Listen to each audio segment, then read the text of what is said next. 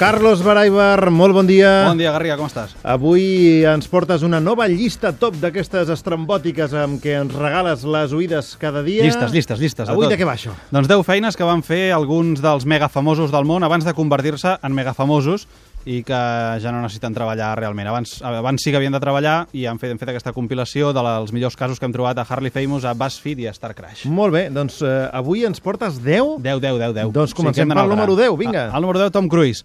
Comencem amb Cruise, que és el més baixet, si et sembla, i anem pujant. Clar, t'atreveixes amb els petits. Sí, no, no, va. Directament. Eh, De Tom Cruise sabem moltes coses, i entre elles que és un fervent creient de la cienciologia, una fe que està mirant d'implantar-se aquí a Catalunya, Garriga, això hauríeu d'investigar-ho.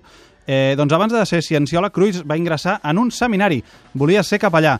Ja tirava en aquesta direcció el bon Tom. Sempre ha fet eh, cara de bon nen. Número 9. Hugh Jackman, atenció a l'Obezno, perquè si ara sap fer de tot, a cantar, a ballar, de tot, absolutament, és perquè quan no era ningú va treballar moltíssim. Hugh Jackman va complir el somni de molts homes i dones del planeta i va ser professor d'educació física. Algunes o alguns haguessin anat amb una altra actitud a la classe d'educació física si Hugh Jackman hagués sigut el seu professor. També sabem, a més, que Jackman va ser després, per exemple, pallasso en festes infantils per 50 dòlars l'hora. Assequible, no? No sé si encara ho faria. Tant de bon que ara es pogués, es pogués eh, Per algú? contractar per Sí, 50 Garriga, dòlars. T'interessa? Home, amb una festa, Hugh Jackman? Sí, Escolta, no cal que busquem tres peus al gat, Ah, i tant, clar que sí. Número 8. John Hamm, protagonista de Mad Men.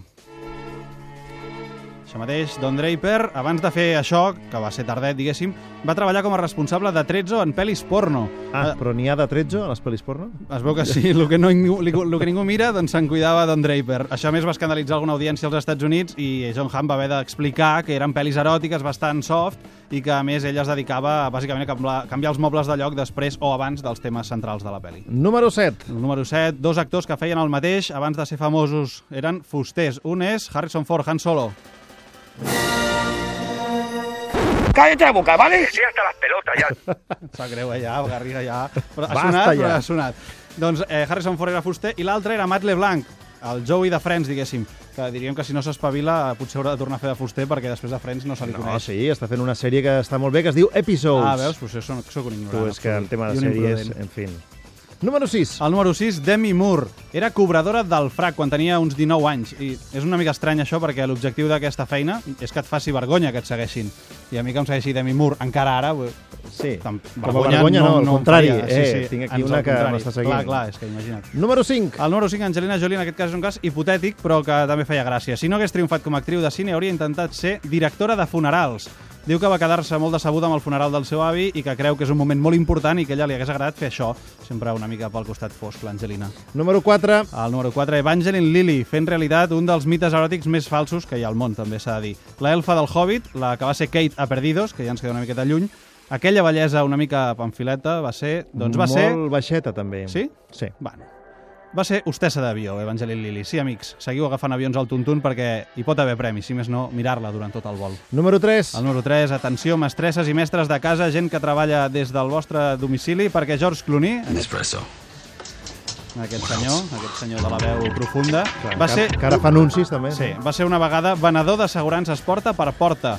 O sigui que mai més us podeu tornar a negar a obrir la porta a un venedor quan truquen per l'intercomunicador perquè podríeu estar perdent l'oportunitat de la vostra vida de conèixer el nou George Clooney. Que potser no, eh? També. També podria ser que no. Número 2. Més mites i situacions que ens agrada imaginar-nos. Nicole Kidman, aquella dona que sortia a Ice White Chat, potser la recordeu, o a Batman Forever, aquella que era guapíssima abans de retocar-se la cara i cagar-la estrepitosament. Doncs quan era guapa, Nicole Kidman va ser massatgista, Garriga.